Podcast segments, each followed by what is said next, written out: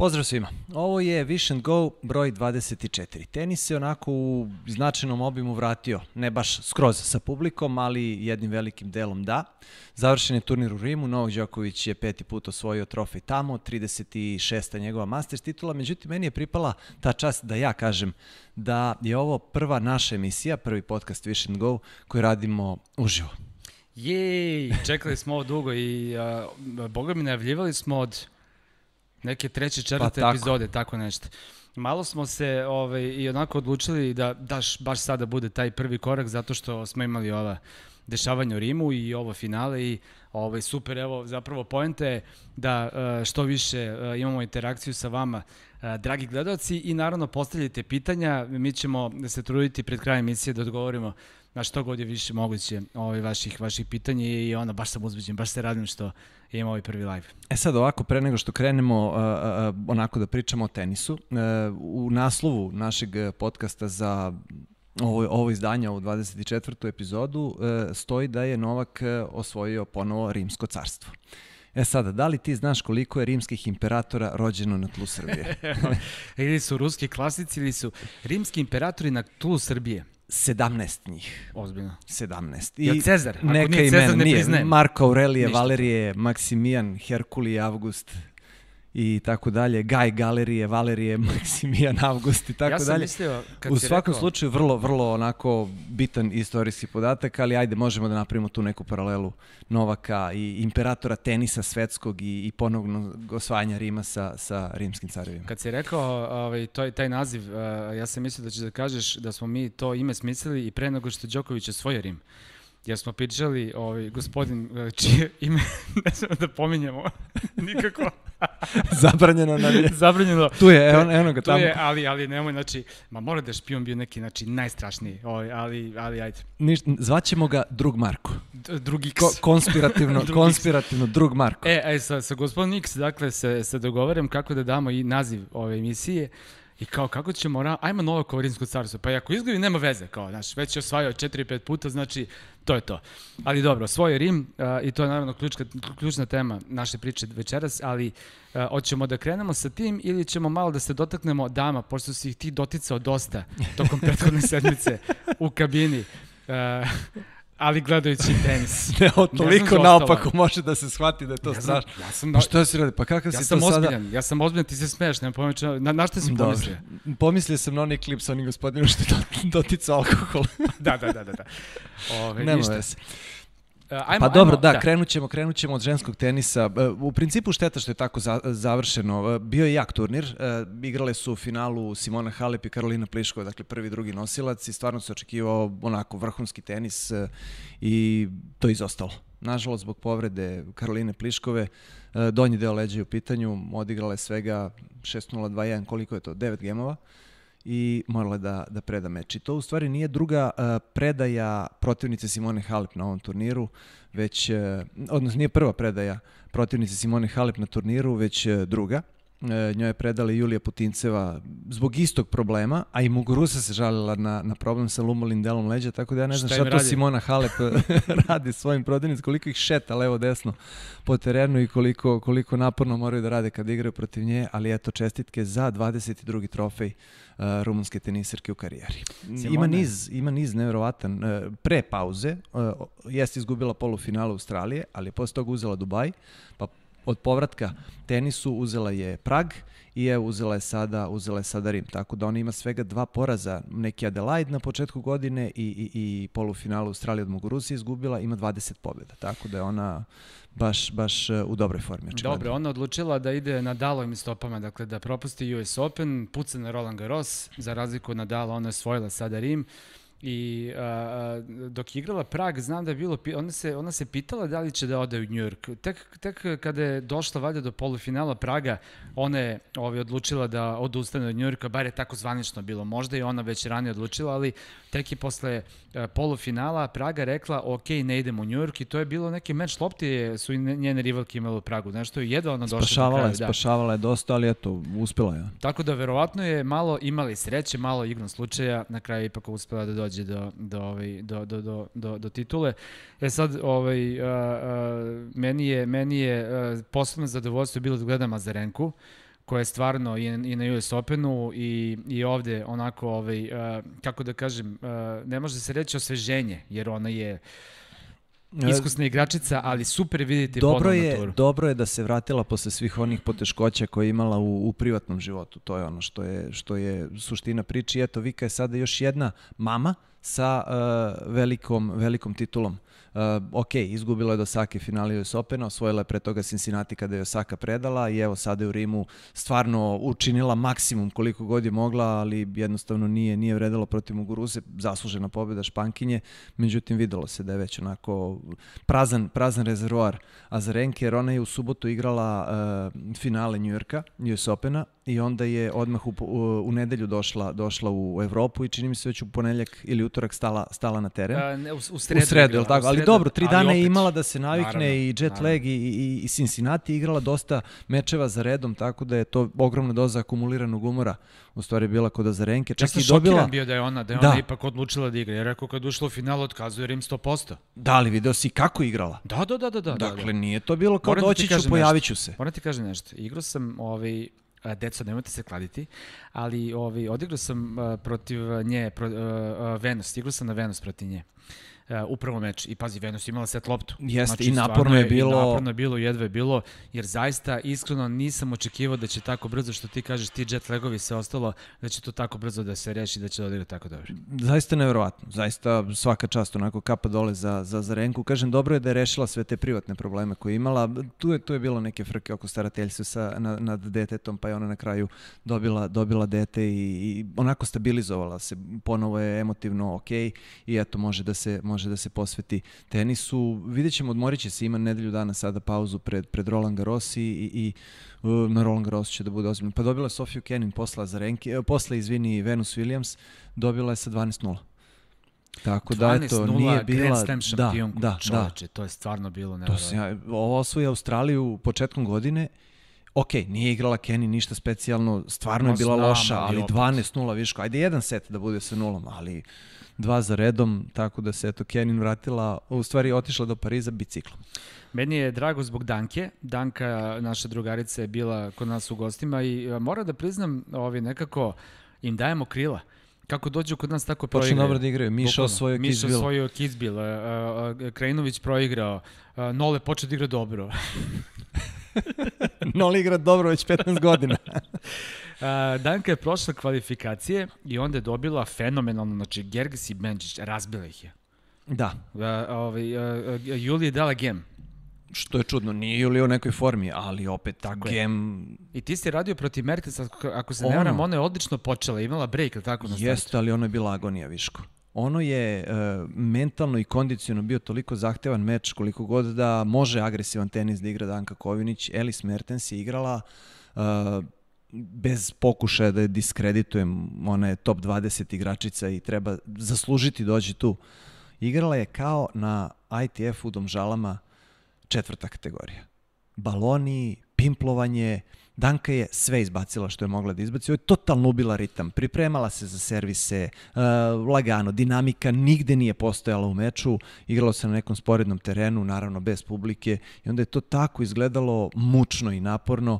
I eto, nije se u tim uslovima, kada je onako veliku pobedu, bitnu pobedu pre toga uh, Kovinićeva ostvarila, došla u treće kolo, ipak, ipak nije mogla dalje. Vidi, Mertens je videla da nije šala, da Danka igra sjajno, break na početku i onda izvukla sve kečeve u svim rukavima koje ima. Znaš. Da, ali to je takvo pimplovanje pa, bilo, to je bilo to je to. stvarno ružno, baš ružno za gledanje. Pa znam, ali to je, to je tako, tako. Ja mog druga kocu koga pozdravljam, razvijem sa balonima i onda napravim ponje, kažem idemo, on kaže šta idemo, bip, i krene svađa, počnu ljudi da dolaze, i gledaju spektakl na, na terenu, na, na dobro, na terenu ti, ti osim, osim teniskog pritiska praviš i taj mentalni veliki pritisak. Onako, pa si zato izgubio poslednja dva meča od mene? Uh, ili, ovi... Poslednji nisam izgubio 6-3-4-3, tako da Jao, kad završimo, dobro, izvini, ono, može da se, može da se ovaj, o tome raspravlja. O, znaš. Iskosno, ono ti priznajem, ono ti priznajem, onu jednu pobedu i to je, i to je A ovde si te okay. vam počeo da se vraćaš, a? Dobro. Pa jesam. Dobro. Možda. Dobro. E, e, dobar je, dobar je ženski turnir stvarno bio. E, srećom nije kiša pravila probleme, iako je baš onako pretila.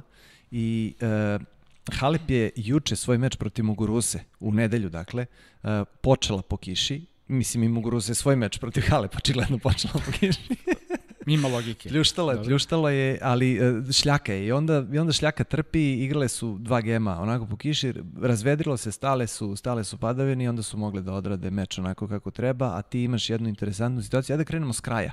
U stvari, odmah posle ceremonije je u Rimu danas počela da pljušti kiša. Uf, A uf, to je, to je, to je takvo, takva sreća bila jer da su, pa počela je e, zapravo dok je e, ceremonija bila u toku, znači kiša je počela da pada nekih 15 minuta po završetku meča da Novak nije napravio break ono na 4-3, da nije, da nije tada završio tako furiozno meč, da se otišlo do taj breaka, možda bi prekinuli i onda ko zna šta bi se desilo i naravno naš podcast ko zna na šta bi, na šta bi izgledao, tako da morali smo malo i da se ovi, onako kockamo sa sudbinom, ali smo imali sreće. E sad, ja imam pitanje jedno za tebe u vezi sa ovim e, vremenskim nepogodama za tenis.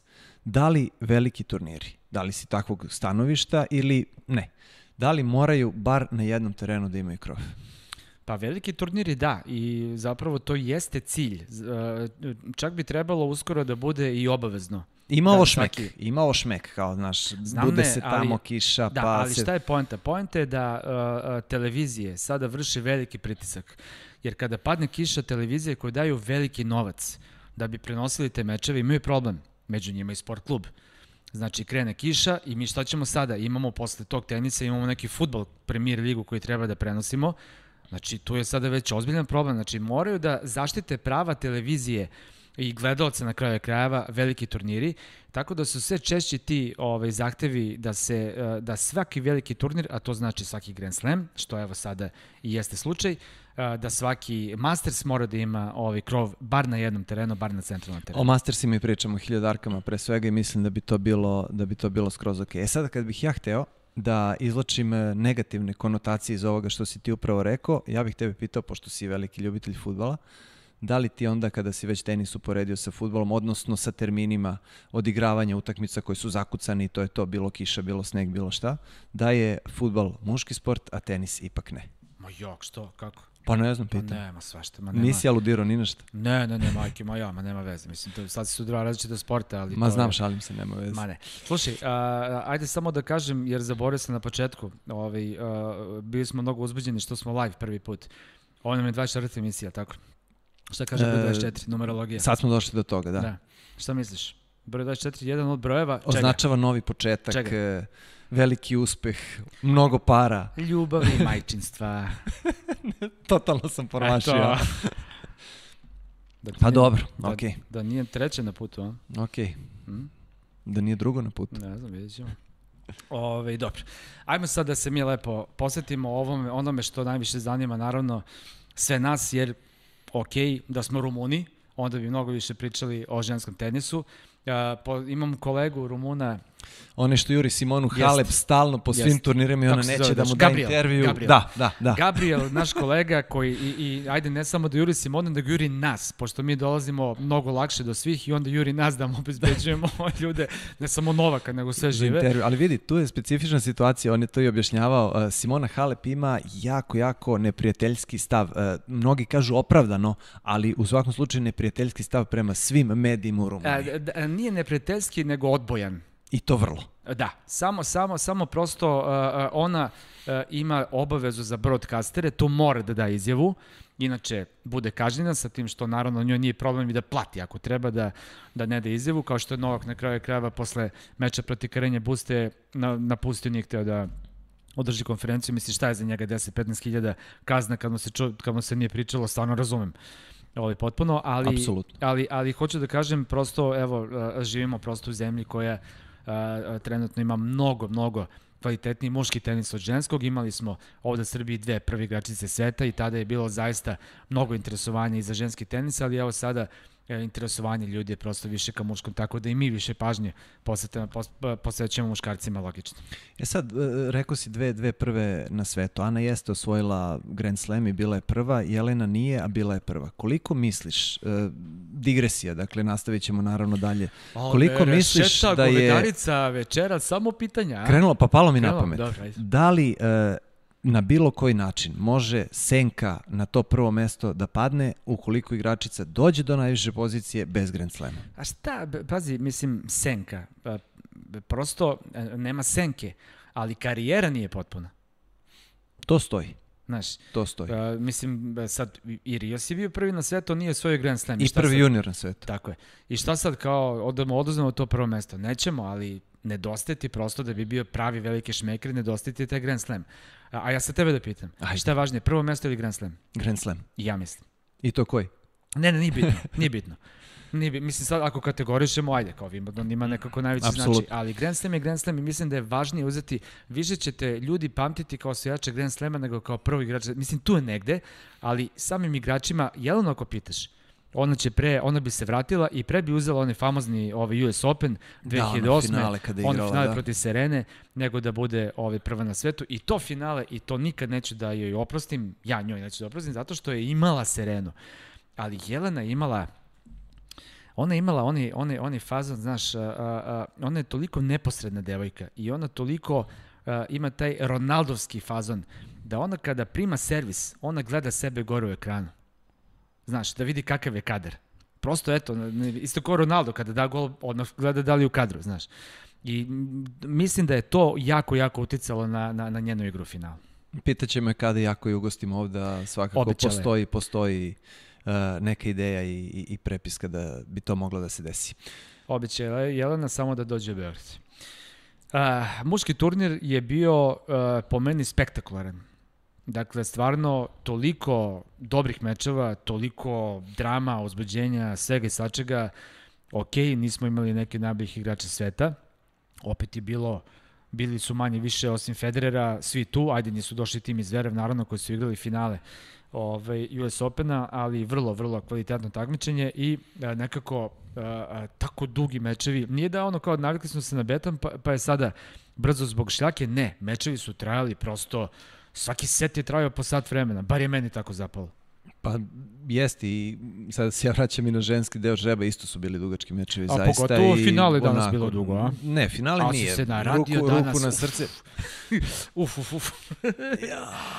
Koliko si bio, Jadan, ja. Koliko je trajalo? 32 minuta. 32 minuta. Bez zagrevanja. Bez zagrevanja.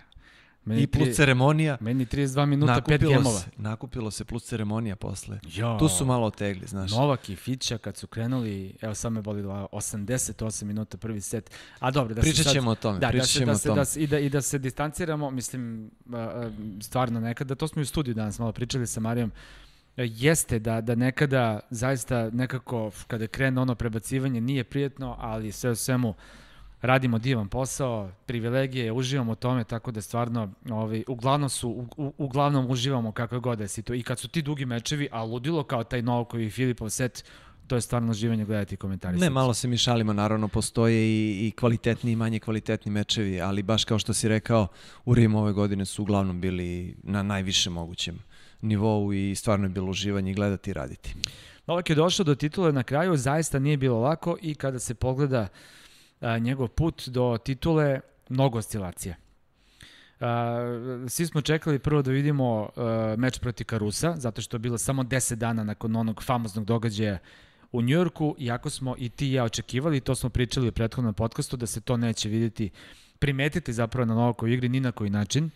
Zaista nije. U tom meču on je bio fokusiran, spreman. Videli smo među vremenu i one kadrove iz Rima, ona zavitlavanja sa Ulijem, sa, sa Vajdom i tako dalje. Dakle, sve je tu onako fit, ali prosto nije lako bre kada, kada, kada, kada živiš taj život sada, uh, uh, uh, meta si svakoga. Bukvalno svako te sada rešeta i to mora da dolazi do Novaka, ma koliko da proba da napravi neki zid i da se i da i da, i da ostane nekako netaknut, to mora da nekada prolazi kroz te barijere.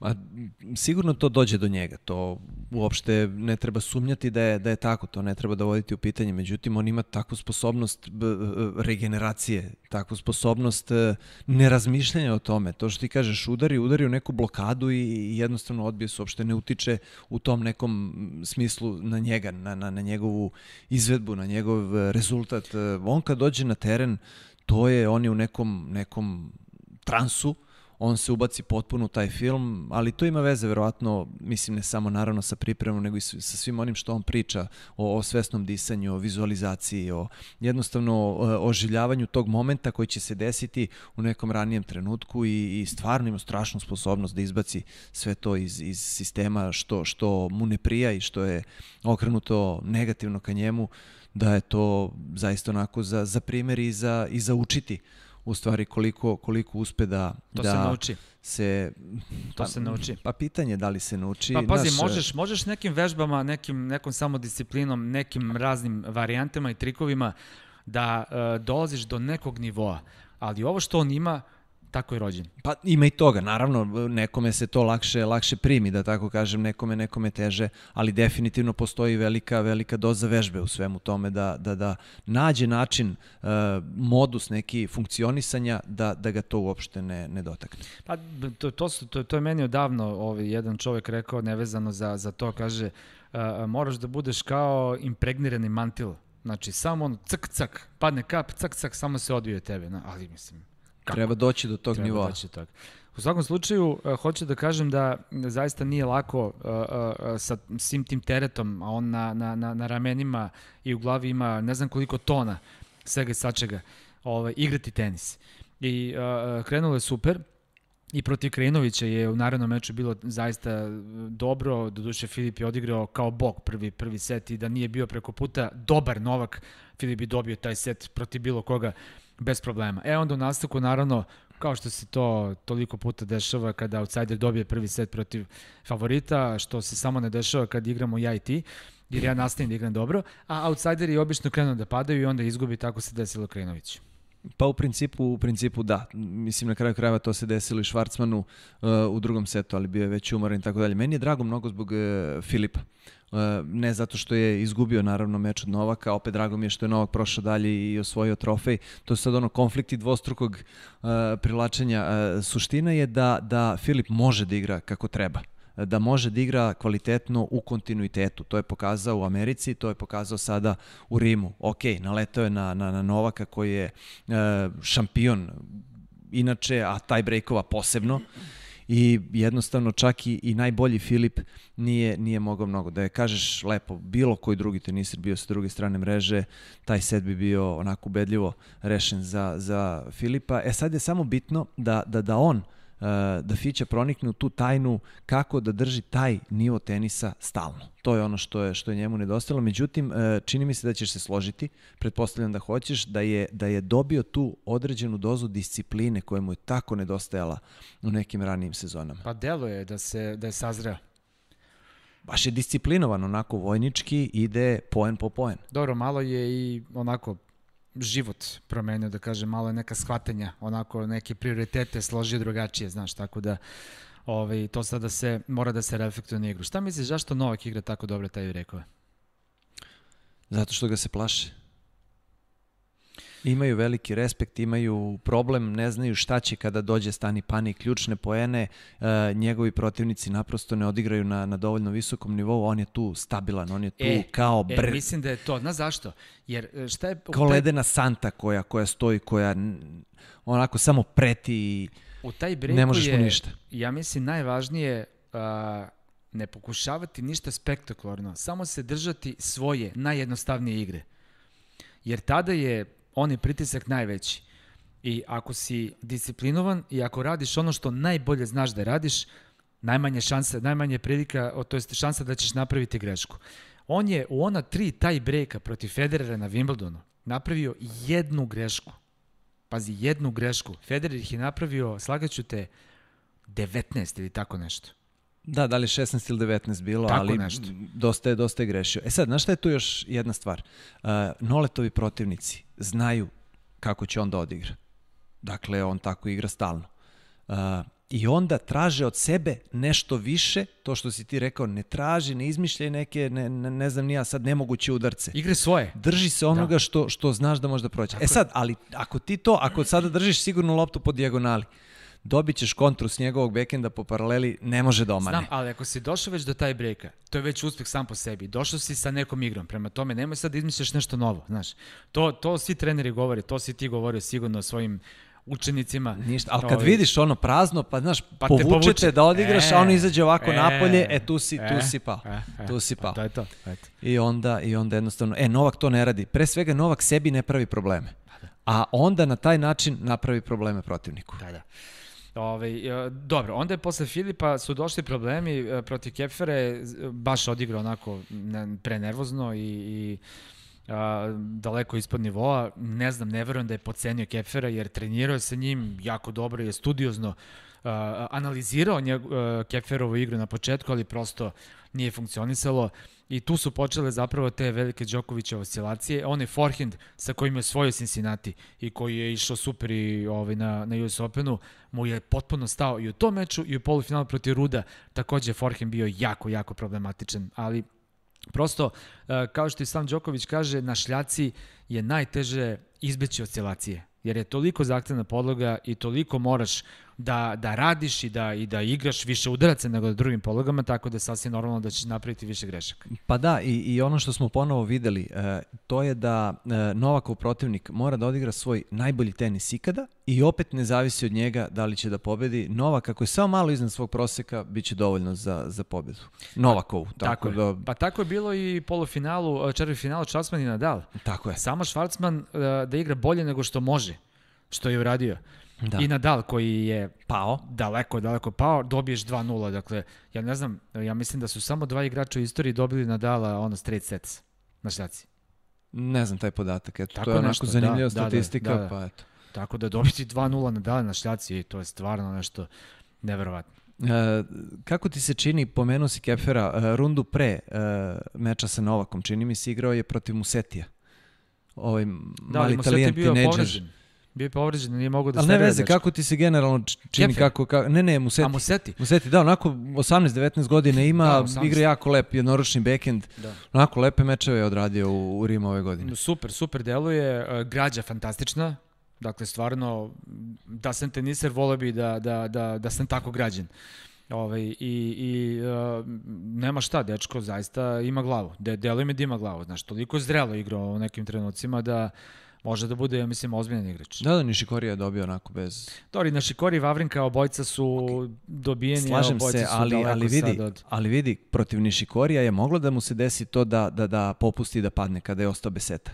Da, Ke ali igrao, nije. Vavrinka nije e, igrao. Upravo to, Vavrinka da. nije igrao ništa, da. da. Vavrinka, uh, kao što si ti lepo rekao, nije mogao da pogodi bazen olimpijski vazduh nije mogao da pogodi. E sad, Nišikori je bio drugačiji, ali ok, i super je, super je što u stvari italijani, uh, naravno, pored Fonjinija, Beretinija, uh, Čekinata, dobijaju neke mladi igrače, pre svega mislim na Sinera i na Musetija, koji, koji mogu onako vrlo lepo da se umešaju u neku, neku ozbiljniju rezultatsku priču u narednim italijani, godinama. Italijani su imali onako jako lepu generaciju ranije od Panate i i, i Pitanđela na kraju krajeva i ozbiljna su teniska nacija sa velikom tradicijom i sad su, imaju vrlo jak lobby u uh, federacijama, pogotovo naravno u ATP-u, jer je Andrea Gaudenci ovaj predsednik, inače Gaudenci je jedan ekstremno sposoban poslovni čovjek. Kada, kad ga se setim kako je igrao, pa i posle ovako nekako, što ne deluje tako, ali, ali ispada da je čovjek uh, biznis mag, znaš, tako i došao na kraju do ove pozicije da bude ovaj, na čelu, na čelu, pardon, ATP-a. Ove, I svaka čast na tome. Da. A, a, neko kaže kao uh, Novak je došao do pobede, a nije imao za protivnika igrača ne iz prvi 10, nego čak ni iz prvi 15. Schwarzman Ali bio... to nema veze. Zato što su ti Novakovi igrači dobili neke jače igrače. Tako da su zasluženo došli do tog meča Keter sa, sa njim. Keter mu je sklonio mu, uh, Monfisa, Rud mu je sklonio Beretinija, uh, Schwarzman sklonio na Nadal. Mastor je dali, sklonio ga zato što ga je dobio, ne zato što je... S tim da nije Schwarzman stao u polufinalu posle Tako pobede je. protiv Nadala, Tako nego je. i Šapovalova onako na mišiće ozbiljno uh, dobio i to u taj breaku odlučujućeg seta. Pa jeste, ali sada, sad ovaj, ajde nećemo da, da, da sad uh, ovu emisiju ono, posvetimo uh, lamentiranju ovaj, uh, uh, činjenice da, da, da svi napadaju i dalje Novaka, ali stvarno je neverovatno. Dakle, ja sam juče video uh, naslov ESPN-a, gde su napisali, uh, dakle, posle Đokovićeve pobede protiv Ruda, naslov je bio uh, Đokoviću kazna zbog uh, uh, neprestojnog izražavanja, tačka zarez, Simona Halep u finalu Rima. Ej, to nije normalno. Znači da, da tebi umesto pobjeda Đokovića protiv Ruda, finale, ulazak u finale, tebi bude ovo kao zato što je dobio novu opomenu koji, by the way, je prošlo toliko misli čovjek je nešto opsao, nisi čak ni čulo, Adel Nur mu je dao opomenu jer je pretpostavio, pošto znaju sudije vrlo dobro srpski jezik, i naše psovke zna ceo svet, naravno, tako da su i sudije naučile. Pa dobro, bio je i nole eksplicitan, tako da... Jeste, i zaslužio je. I okej, okay, i dobio je, ali sada je to glavna vest, i što kao što je bila glavna vest da je slomio reket ono dan pre toga. E, vidiš, tu sam, upravo sam o tome hteo, hteo sada da pričamo. Šta meni jako ide na živce? Uh, novinari, mediji, sada pokušavaju da iskonstruišu nešto što nema veze sa mozgom. I sada počinju da objašnjavaju oni Novaku na konferencijama da treba da ide na neke uh, tretmane kontrole besa kao anger management, kao da ide da pa da on nešto sad priča sa, sa, sa uh, psihijatrima i tako dalje i tako dalje. I oni će to da forsiraju, da forsiraju i kad on bude rekao neće, e vidiš neće, a treba mu, a uh, znači napravit će sada neku priču ni oko čega. Bukvalno ni oko čega napravit će čoveka na, na, na ne znam nija, nekoga ko ne može da se kontroliše ili Sam nije kriv. mi jasno. Sam je kriv. Znači, uh, uradio ono što su samo čekali. Ket pa, na 10. Ket mislim, na 10. Dobro, ali vidi, to je, to je on. To je Novak. Pa znam. Pa šta ako je slomio reket? Pa i Benoit Paire je slomio reket. Ne, ne, govorimo o Njujorku, naravno, bože moj, sašta pa rekete lomimo svi. Ma. Pa smo živi zdravi i lomit ćemo ih još. I nije to dobar primer. I Novak nije dobar rekao, primer, Pa koliko para košta reket? Viš ko oni mogu, mi ne možemo. Pa, Šta je tebi? To ti kažem, ali, ali zato kad znam da ću da ga menjam, onda ga iskasapim. ono ga si, ono, jesi s kocom isto igrao? Kada si slomio reket. A to si slučajno slomio reket, sad skoro je bilo. Ba, ba, bacio sam u žicu, ali sam pogodio šipku. da. I onda je puku. Puku.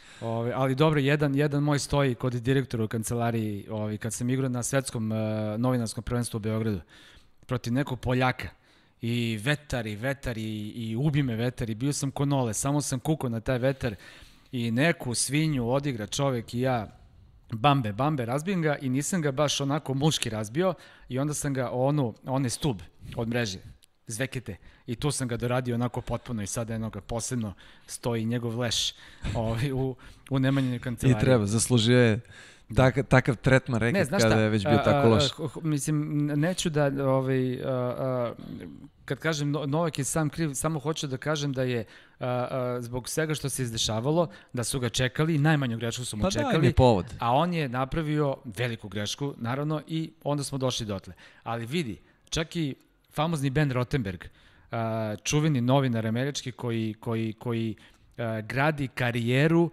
a, na, na, na pravljenju kontroverzi, je se javio i rekao, e, citirao je ESPN i rekao, ama ljudi dosta više. Znaš, ko stvarno skinite mu se više sad i vi. Da, majke, moguće da je ja. on to rekao. Jeste.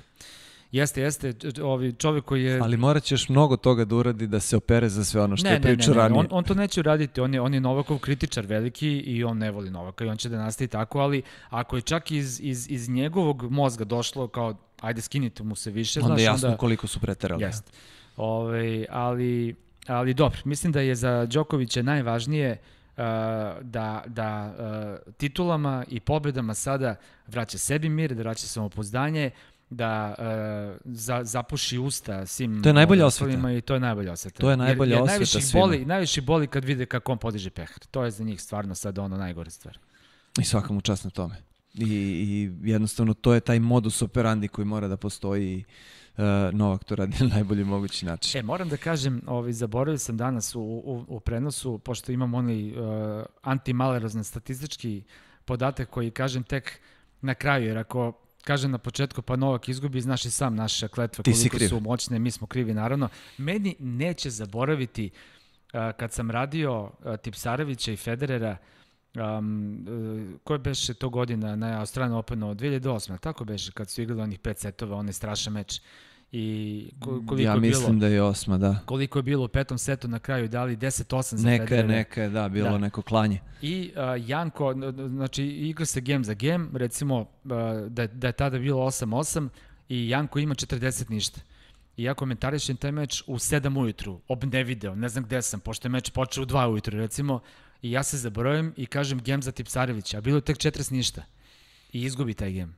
i Federer napravi break i dobije meč. I majstor je Šta si ti tu radio, Nebojša, zbog tebe izgubio, rekao, jeste, ja sam, čovjek je tamo 5 sati ginuo na terenu, to nema veze, ali ja sam ono i pogrešio, tako da je ovo je moja krivica. Jeste dakle, viš, kod 2008. Koliko 10, je bilo? 10, 10 8, da. jeste, upravo si, treće kolo.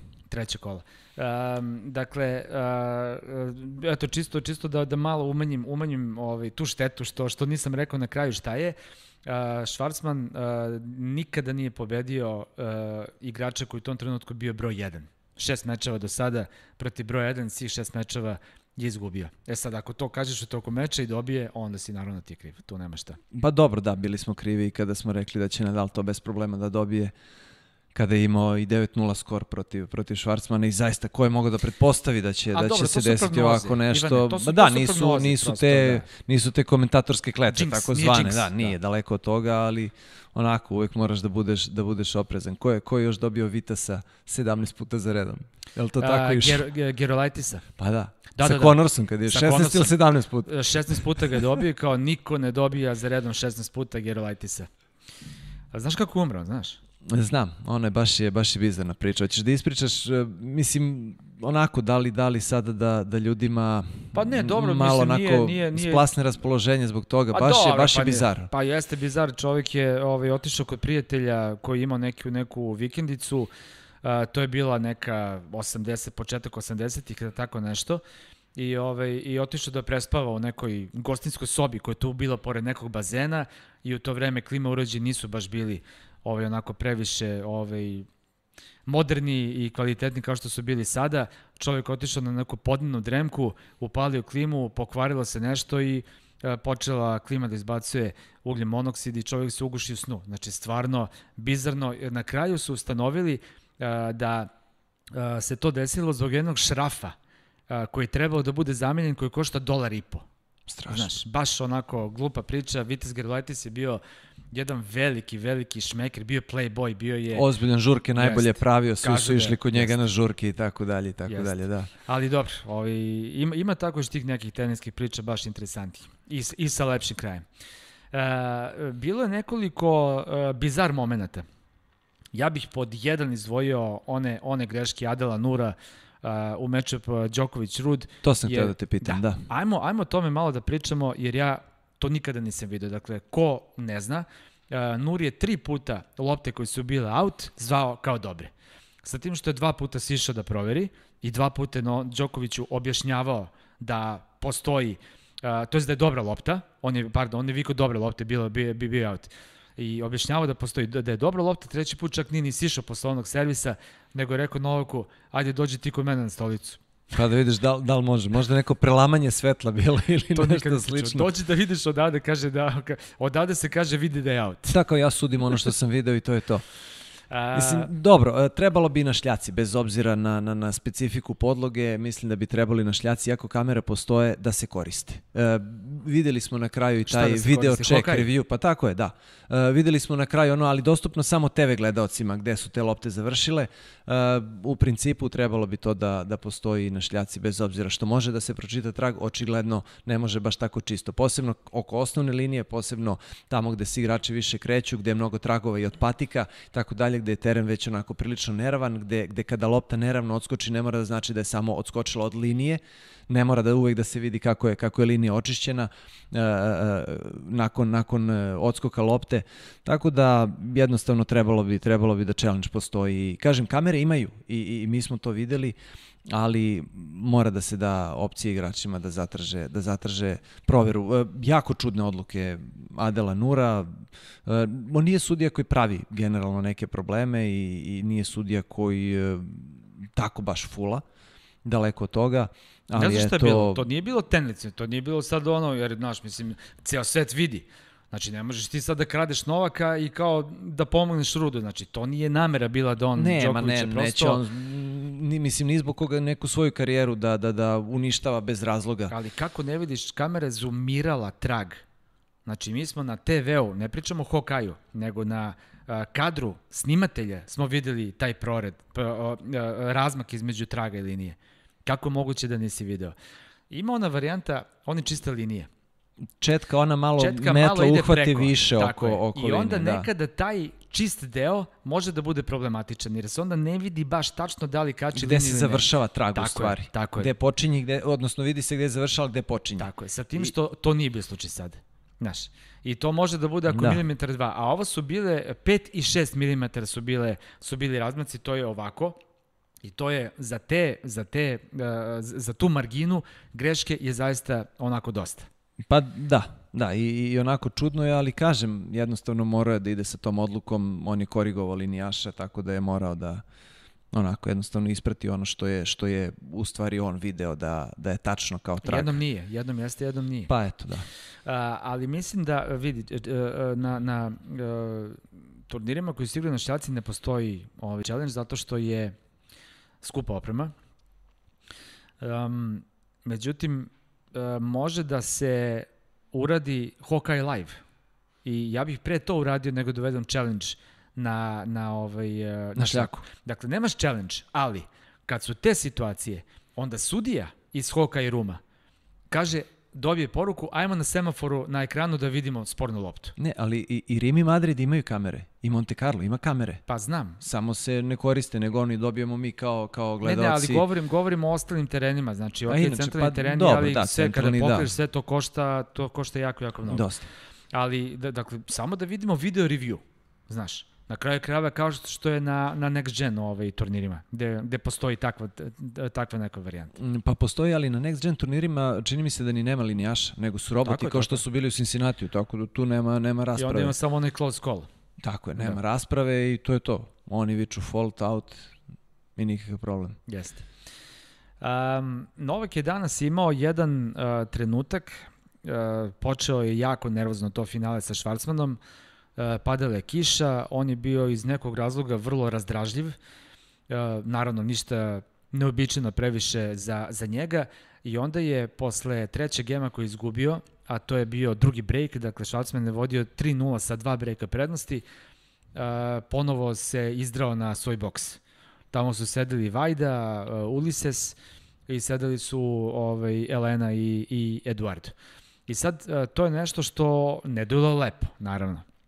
I uh, to je jedan od razloga uh, zašto, zašto uh, Đokovićev uh, imidž još više trpi, jer ljudi prosto ne vole to da vide i to je nešto što ne rade, ne znam, ni Federer, ni Nadal i tako dalje. Ali uh, to je Đokovićev ventil koji kod njega funkcioniše perfektno. I već godinom unazad. Pa to se zna da je tako. I ljudi koji sede tamo, znači Vajde, naravno prvi sedi tu i zna apsolutno da je to, da on na taj način pomaže Novaku da dobije meč. Znači, on, e, Vajde tako bukvalno aktivno učestvuje u poboljšanju Đokovićeve igre.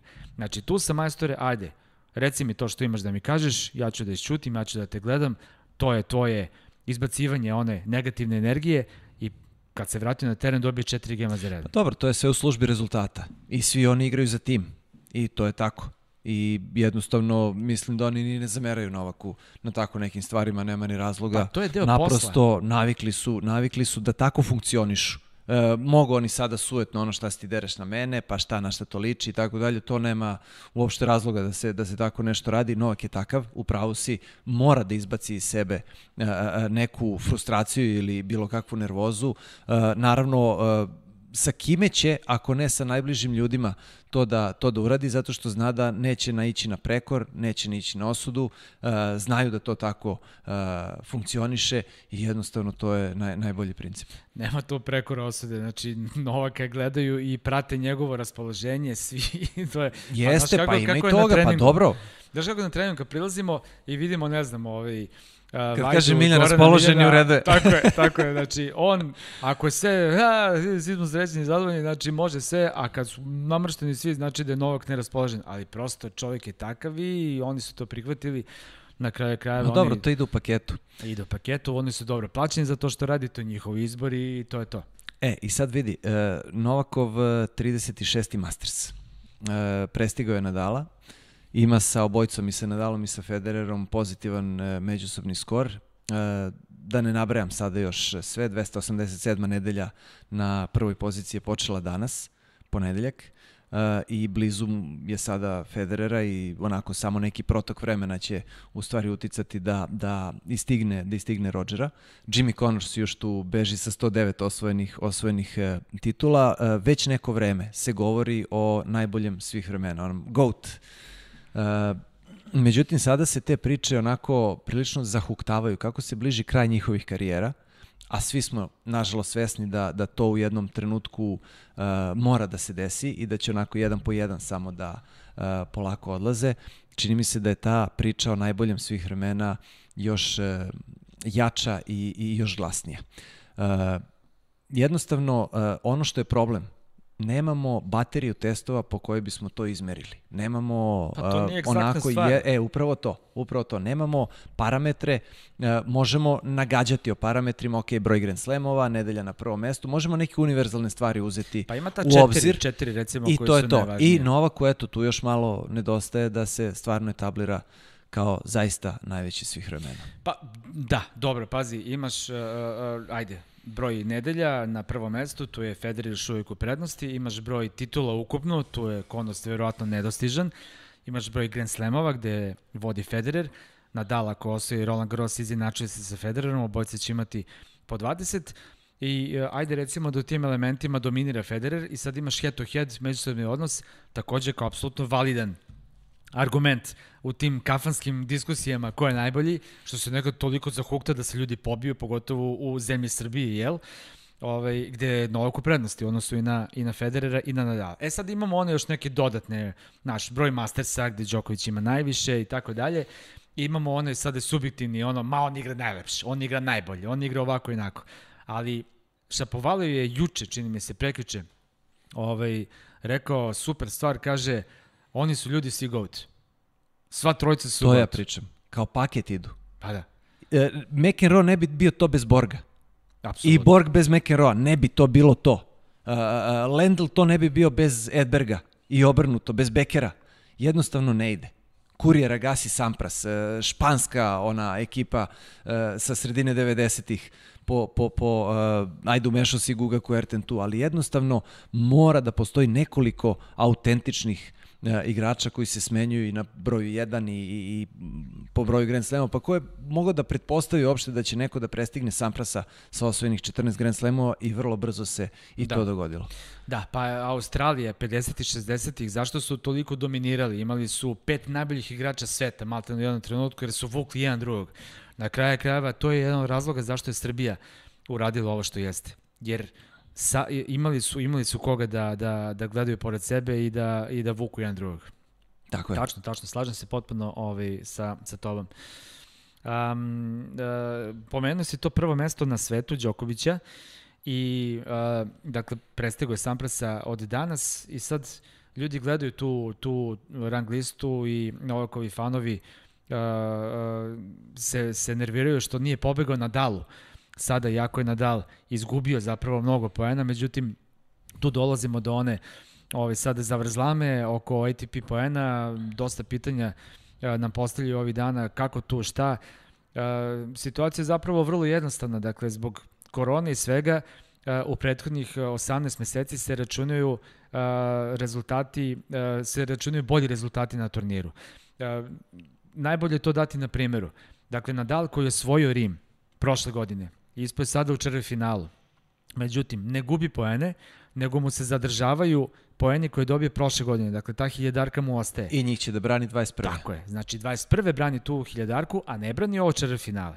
Znači, sve će to doći jednom na svoje, a Đoković će tako Wimbledon sledeće godine imati zagarantovanih 2000 šta god da uradi, ali će zato 2022. godine doći braniti, to na naplatu. Tako je, doći, doći to na naplatu. Tako da, kada se sve sabere, u ovom prvom momentu jeste Nadal zbog takvih rezultata u prethodnom periodu favorizovan, ali u onom drugom doći će... Iznivelisat će se, iznivelisat će se i dobit ćemo... I meni se čini da je cela ta priča zaista na kraju sasvim okej. Okay. Dakle, oni su imali mnogo težak zadatak kako da reše tu situaciju sa poenima. Ljudi su sedeli, mozgali, mi smo kritikovali dosta ATP i način razmišljanja i sve, ali ja mislim da su u ovoj situaciji ipak uspeli da pronađu nekako naj, najnormalnije rešenje. Da, za ovo mora da im se kaže da, da su odradili dobar posao, čini mi se, i, i, i naravno u, u tim e, presecima, u tim e, trenucima u kakvim e, se dešavaju neke varedne okolnosti, jednostavno ne postoji, ne postoji rešenje koje će svakoga da zadovolji. Uvek će neko biti oštećen i uvek će nešto ići na ruku baš uh, nekom drugom. E, Tako da je, je ovde e, kome svima će, uglavnom odgovara.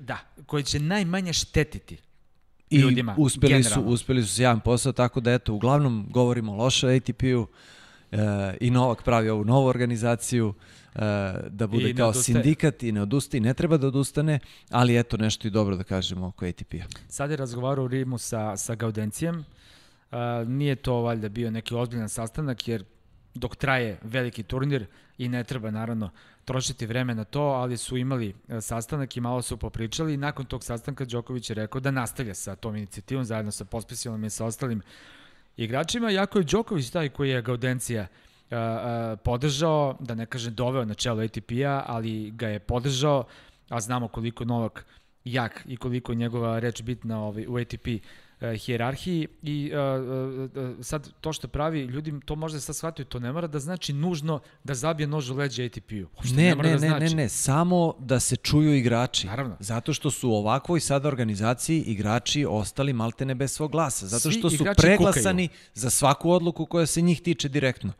Dakle, ATP je uh, uh, institucija koja mora da štiti pre svega uh, igrače pa onda interese turnira, organizatora, sponzora i, i, tako dalje, tako dalje. ATP je postalo udruženje koje vodi računa isključivo i samo o sebi, a igrači su tu uh, deo uh, njihove igranke.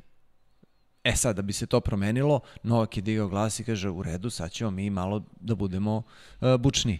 Rekao da će razgovarati sa Nadalom svakako, ali ne sa Roland Garrosu, pošto, naravno, bilo bi suludo da se to koristi za, za to, ali će vjerojatno ono posle Roland Garrosa da možda odigraju finale, onda odu na pivo i kao ajde šta ćemo pa sa Pa da, ali vidiš recimo ljudi isto imaju uh, možda malo i, i pogrešan, uh, pogrešno mišljenje o svemu tome. E sad oni su na turniru, nema veze, ti ćeš samo da ga vidiš pa ga pitaj pa porazgovaraj uf, sa njim, da, pa da. ono, ne ide to tako, oni da. ne, ne razgovaraju ni oni su došli tamo poslom. Oni imaju razlog zašto su tamo. I oni apsolutno ne daju prostora ni za šta sem, sem onoga za šta su došli. A da, pazi, ljudi inače imaju percepciju onako sasvim drugačiju. Pre pa 7-8 godina a, razgovaram sa, sa jednim eventualnim a, sponzorom za, a, za Wimbledon. Znači, šef marketinga te jedne firme, neću, nije, nije predstavno da kažem koja je firma u pitanju. I on mi kaže, uh, super, super, hoćemo, ovaj, uh, sponzorisat ćemo, hoćemo se reklamati i tako dalje, ajde molim te vidi samo kad intervjušeš Federera da mu staviš kačket sa ovim našim znakom. Jako, da, da, da. On me gleda i rekao, brate, si ozbiljan. Pa kaže, samo to dok prije, samo ta dva pitanja, kao šta mi, da, ne, ne, mislim da ne može, a? Joj. Ja rekao da moguće da ti kod direktor Pa kao mogu da probam. Pa rekao, mislim, ajde, daj mi milionče. Pa, otprilike, to je ta tarifa što bi otprilike ovaj, trebalo za ta tri minuta da mu stavim to na glavu. Mislim da je to neka cifra realna koliko bi tražio. Moguće, ovi, moguće. A dobro. Ovi... Suština je da nemaju baš ljudi onako odnos prema tome, misle da je, da je mnogo drugačije, Jeste. ali nije.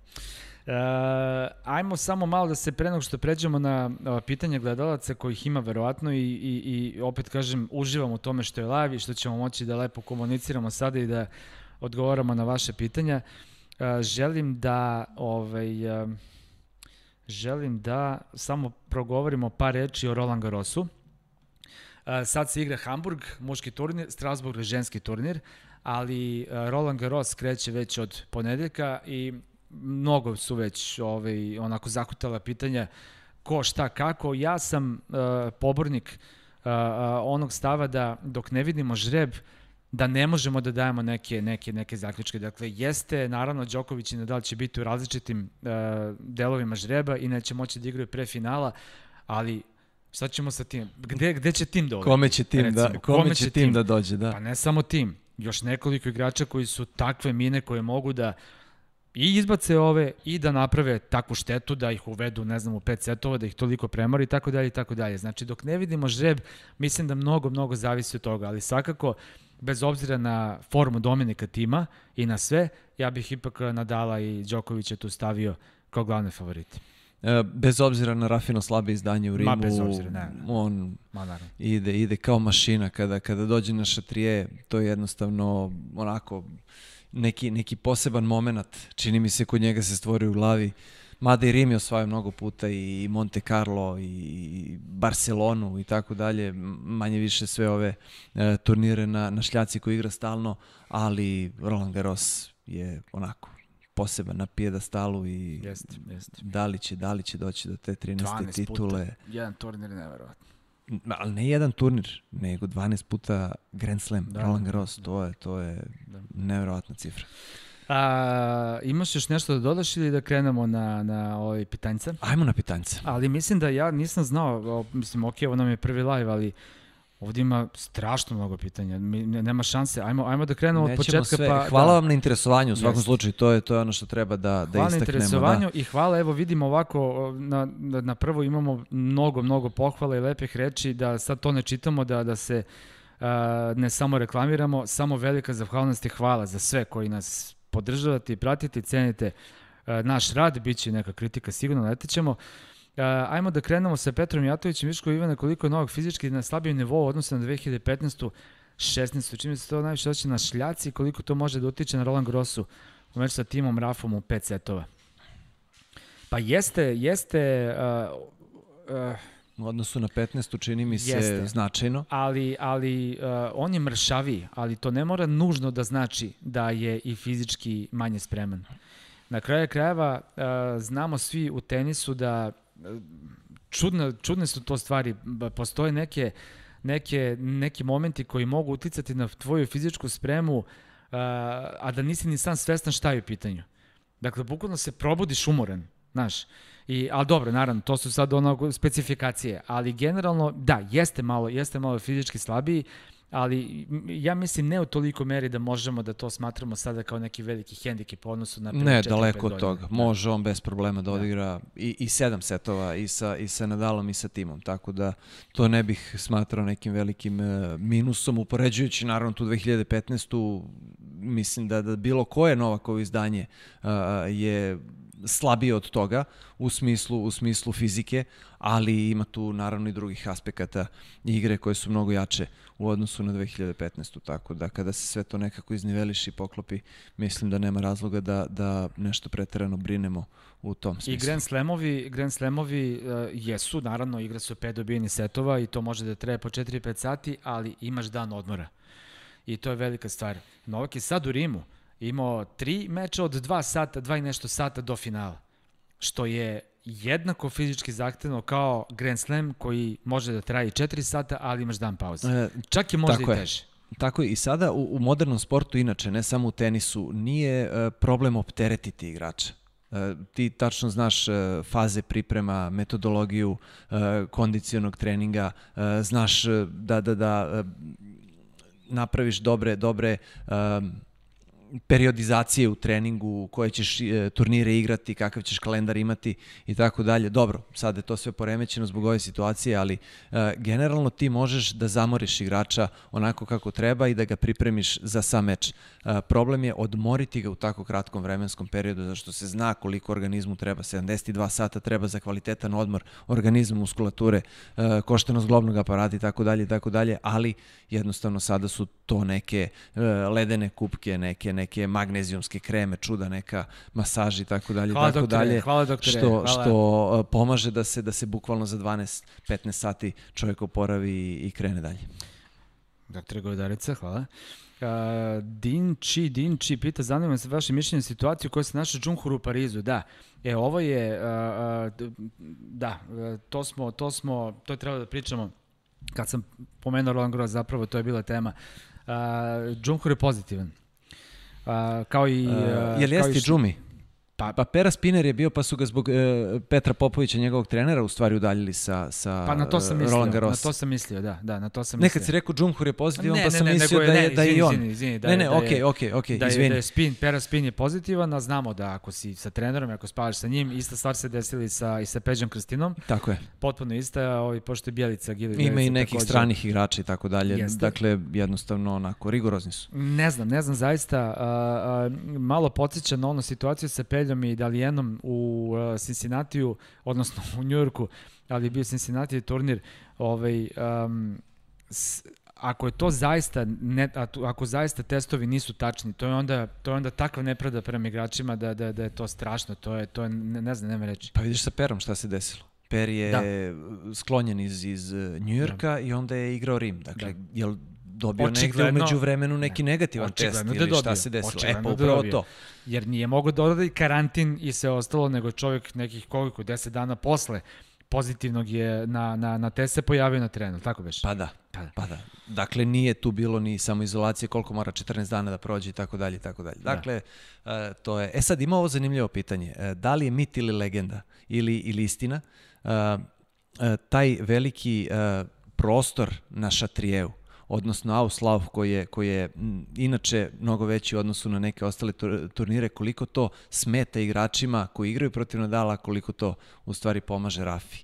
Uh, znaš kako, to je, to je onako vrlo uh, interesantna stvar, zato što je stvarno Auslauf uh, na, na, na Šatrijevu ogroman. Ja mislim ima 12 metara od, od baseline do uh, kraja terena, Minimum do, je 8 do Glende, 8 za Davis da, Kupove i Grand da. Slamove. Uh, tako da je ovo još veće od, od toga. E sada, uh, to je kao kada se recimo vozi auto uh, 120 po autoputu, naravno u, u ograničenju, i onda siđeš sa autoputa i onda ti 60 izgleda kao da, da miliš bukvalno, a opet si u, u ograničenju i ne voziš sporo, daleko od toga. Uh, kada dođeš na šatrije, ti moraš da igraš brže protiv Nadala, moraš, moraš da, da, da hvataš te lopte. Tebi se čini da, da sve to što, što ti odigraš ide slabo, da, da, da nema nikakvog efekta. Jednostavno ubijete u glavu, a, a, a on je navikao na taj toliko veliki prostor ja samo hoću da kažem, nije mit, zaista ima i tekako utice to što je uh, sam prostor oko, oko igrališta na, na tom centralnom stadionu u, u Bulonskoj šumi uh, toliko veliki. Iako on, naravno, ipak nikad ne igra uh, udarce sa više od ajde 6 metara, to je neki mag, osim ako ne mora, naravno. Ne, ali ti ali, se osjećaš, ti da, se da, osjećaš da, da. inferiorno, jer čini ti se da ali da ne najbolje, možeš da udariš loptu nikako. Znaš, najbolje, kad izađeš iz balona, izvini, molim te, ajde. samo, samo da, da, da kažem, u balonu onako sve ječi, pa odzvanja pukne, kada igraš, da, kad... da, pa kao kako sam ovo pogodio, onda izađeš napolje i ne čuje se ništa i kao, pa šta je sad od svojim forehandom, daj to još malo, malo više, malo više i onda tražiš više od svojih udaraca, a nema potrebe. E sad moraš tu da se izbalansiraš, da se iskontrolišeš kada kad imaš toliko veliki prostor oko sebe, da u stvari kažeš, ej, pa ovo nije toliko loše, ne moram da rizikujem, ne moram toliko baš da lupam jako loptu. Uh, e sad, neko se upeca, a neko, neko ipak prođe. Ja mislim da linijskim studijama najdraže, jer ne moraju da eskiviraju na dalov reket Beže, kada, da. kada krene da, da, da maše. Da vrti sa onim forhinima, nek ide pa da. život. Pa Znaš, da. oni, nek ide život. Tako je. Šta je bilo, šta je bilo. Azarenka, dobro, to smo pričali. A, Cera je 18.01, šta mislite, da li e, se Čilić može barem vrat, prilično vratiti ono nove tenise kao iz 2014, hao napred i veliki pozdrav iz Mostara. A, U, šljaka, šljaka, šljaka za Marina generalno problem, on se onako dosta slabo kreće i, i napred nazad. Ajde na stranu, on to fino hvata, ima ima velike poluge i može da ohvati dobro i kada dođe na mrežu, onako lepo zatvara nec ali, ali kretanje napred nazad, posebno na niže lopte, na šljaci koje, koje nemaju toliki odskok kao na betonu, malo je onako problematično. Bojim se, bojim se da su ga sada prešišali, znaš, sada su ovi momci otišli toliko ispred njega i sa 32 godine, znaš, sad stvarno ne znam koliko, koliko može da, on je imao onu šansu pre 4 godine kad je kad je bio treći, kad je zaista delovo moćno, kad je imao, šta se tada desilo, što je tada odigrao toliko loše, ima tu raznih stvari, ima i povrede su ga tada malo ovi napadale, ali, ali ja iskreno ne znam, nisam siguran da može da se vrati. Mislim, bit će još nekih rezultata fini svakako, ali to oni nivo tenisa bez, koji bez imao, ne verujem. Ono kada je uzeo US Open, koliko pre 5-6 godina? 2014, 6 godina. 16, tako? 14. da. 14. da, Nišikorija kada je tu u finalu, taj, taj nivo tenisa je jako, jako teško, ali Marin je naravno onako uvek, uvek opasan. Doduše ima, ima onu čuvenu dozu autodestrukcije gde, gde sam sebe pobedi i jednostavno protivnik ne mora da uradi apsolutno ništa, a čini mi se da mu se sve češće to dešava u poslednje vreme. Uh, Nine Ball 9-2 Aleksandra, da li je Rafa baš toliki favorit na Roland Garrosu kao i prethodnih godina? Bookmakeri kažu da jeste. Pa ne znam kakva je kvota, ali nije velika sigurno.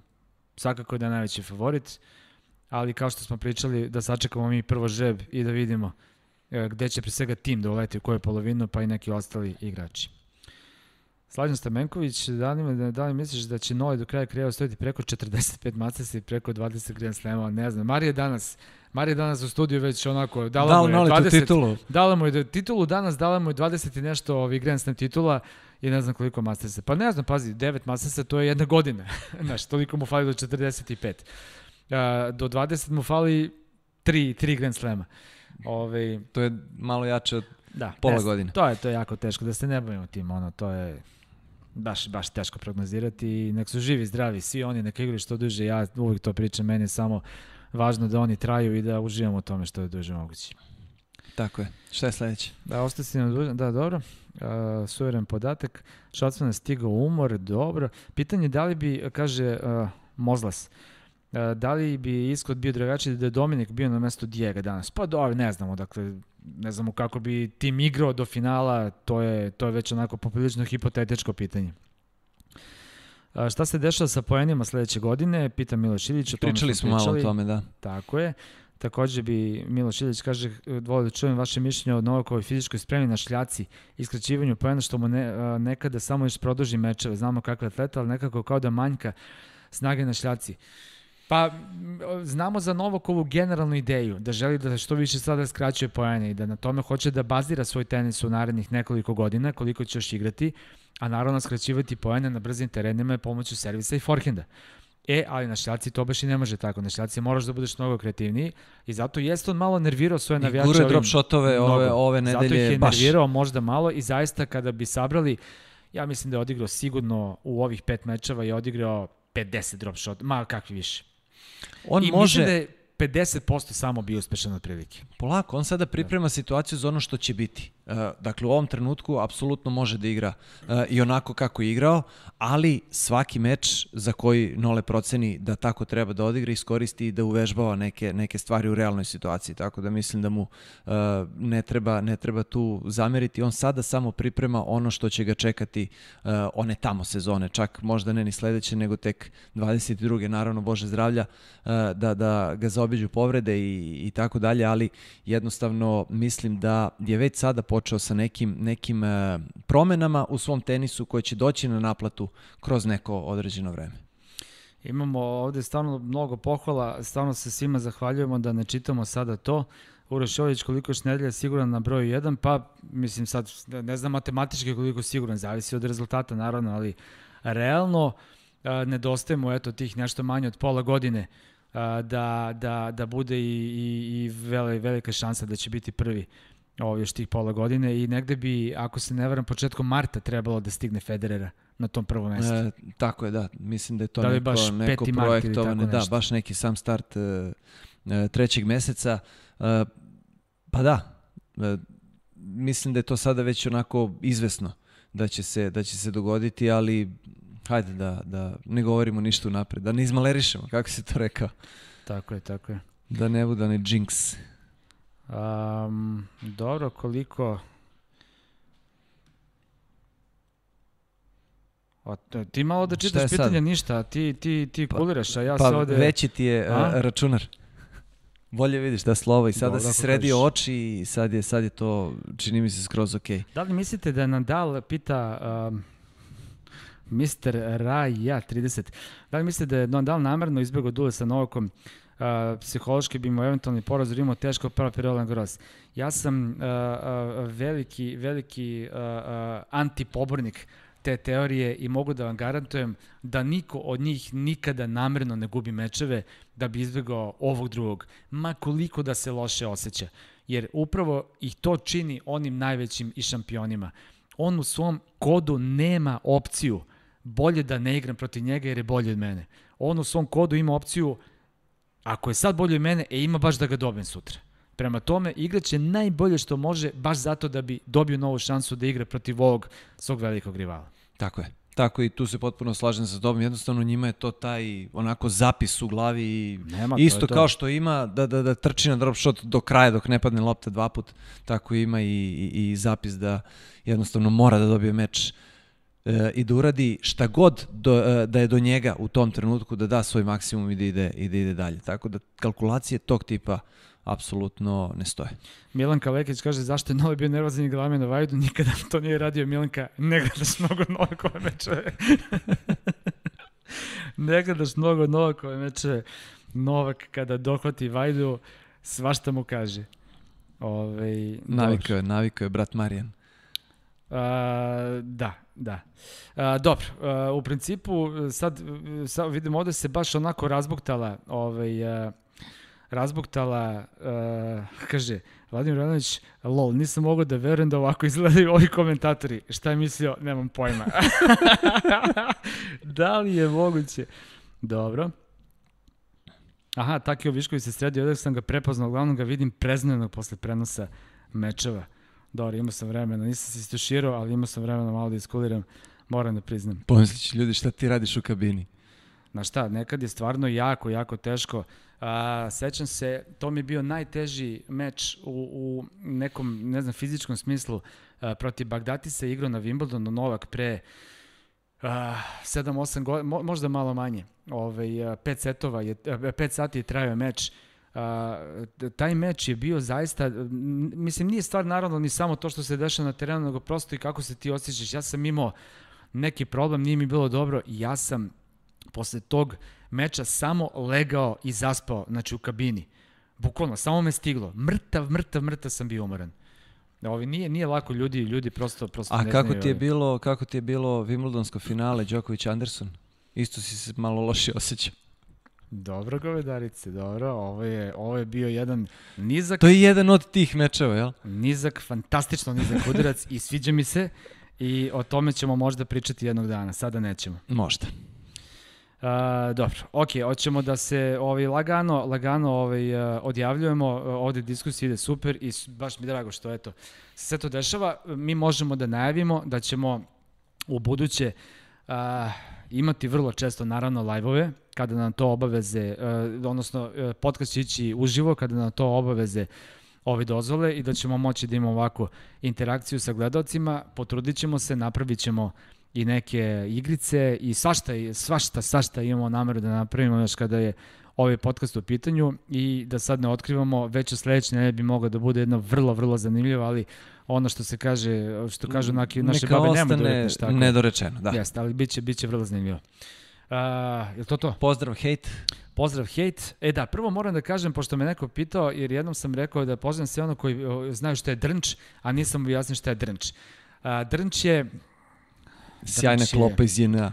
Drnč je, da. Da, ko, ko, je, ko je bio u vojsci, on, on zna šta je drnč. Drnč je a, najčešća hrana u vojsci, a, a ja sam bio u onoj staroj SFRJ vojsci, a, češće čak i od pasulja i drnč je ovaj, a, a, Pa šteta da se baci od svega. Otvorite, otvorite frižider i sve što nećete da jedete stavite u nešto i to je drnč. I to, nam, i to vam onda daju. Ali uživali ste, imali ste one injekcije koje su štitile od svega i, i onda je moglo pa sve da se klopi. Pio sam, pio sam iz, iz, iz bare sam pio vodu, kad nam nije došlo jedno, jednom, ovaj, samo sam sačekao da malo, ono preko, prešao kamion i onda smo sačekali samo da se malo slegne i onda smo pili iz, iz Da ne zahvatite baš blato. Da, da. Joj, majko, dobro. A, e, pozdrav, Hed, šta si danas? Pa, hm, pozdrav. O, si ti Opet. fina duša, samo pozivaš, neće da hejtuješ nikada, a? Možda sledećeg puta. Ajde, pozdravi. Treba, treba onako uh, imati uvek pozitivne emocije, jel? Da. Širimo ljubav. Da, ajde. e, pozdravljam, uh, uh, pozdravljam sve one koji su se bilo kada osetili ugroženo i kao žrtve uh, bezumnika koji misle da se krijući iz raznih nikova mogu da vređaju po društvenim mrežama. Dobro, da, svi smo to doživjeli. Ok. Uh, ja isto pozdravljam, verovali ne, ne hitujem, ali pozdravljam uh, Jirgena Klopa.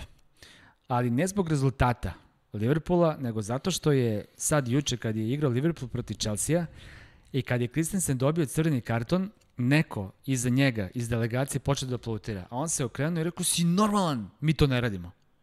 Znači, fenomenalna stvar.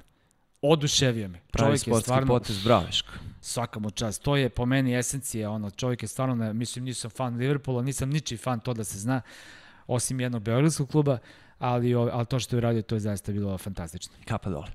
Kapa dole, drugari, hvala najlepše, vidimo se uh, na 25-ici za nedelju dana. Ćao, svako dobro, nije drnč, sad idemo na picu.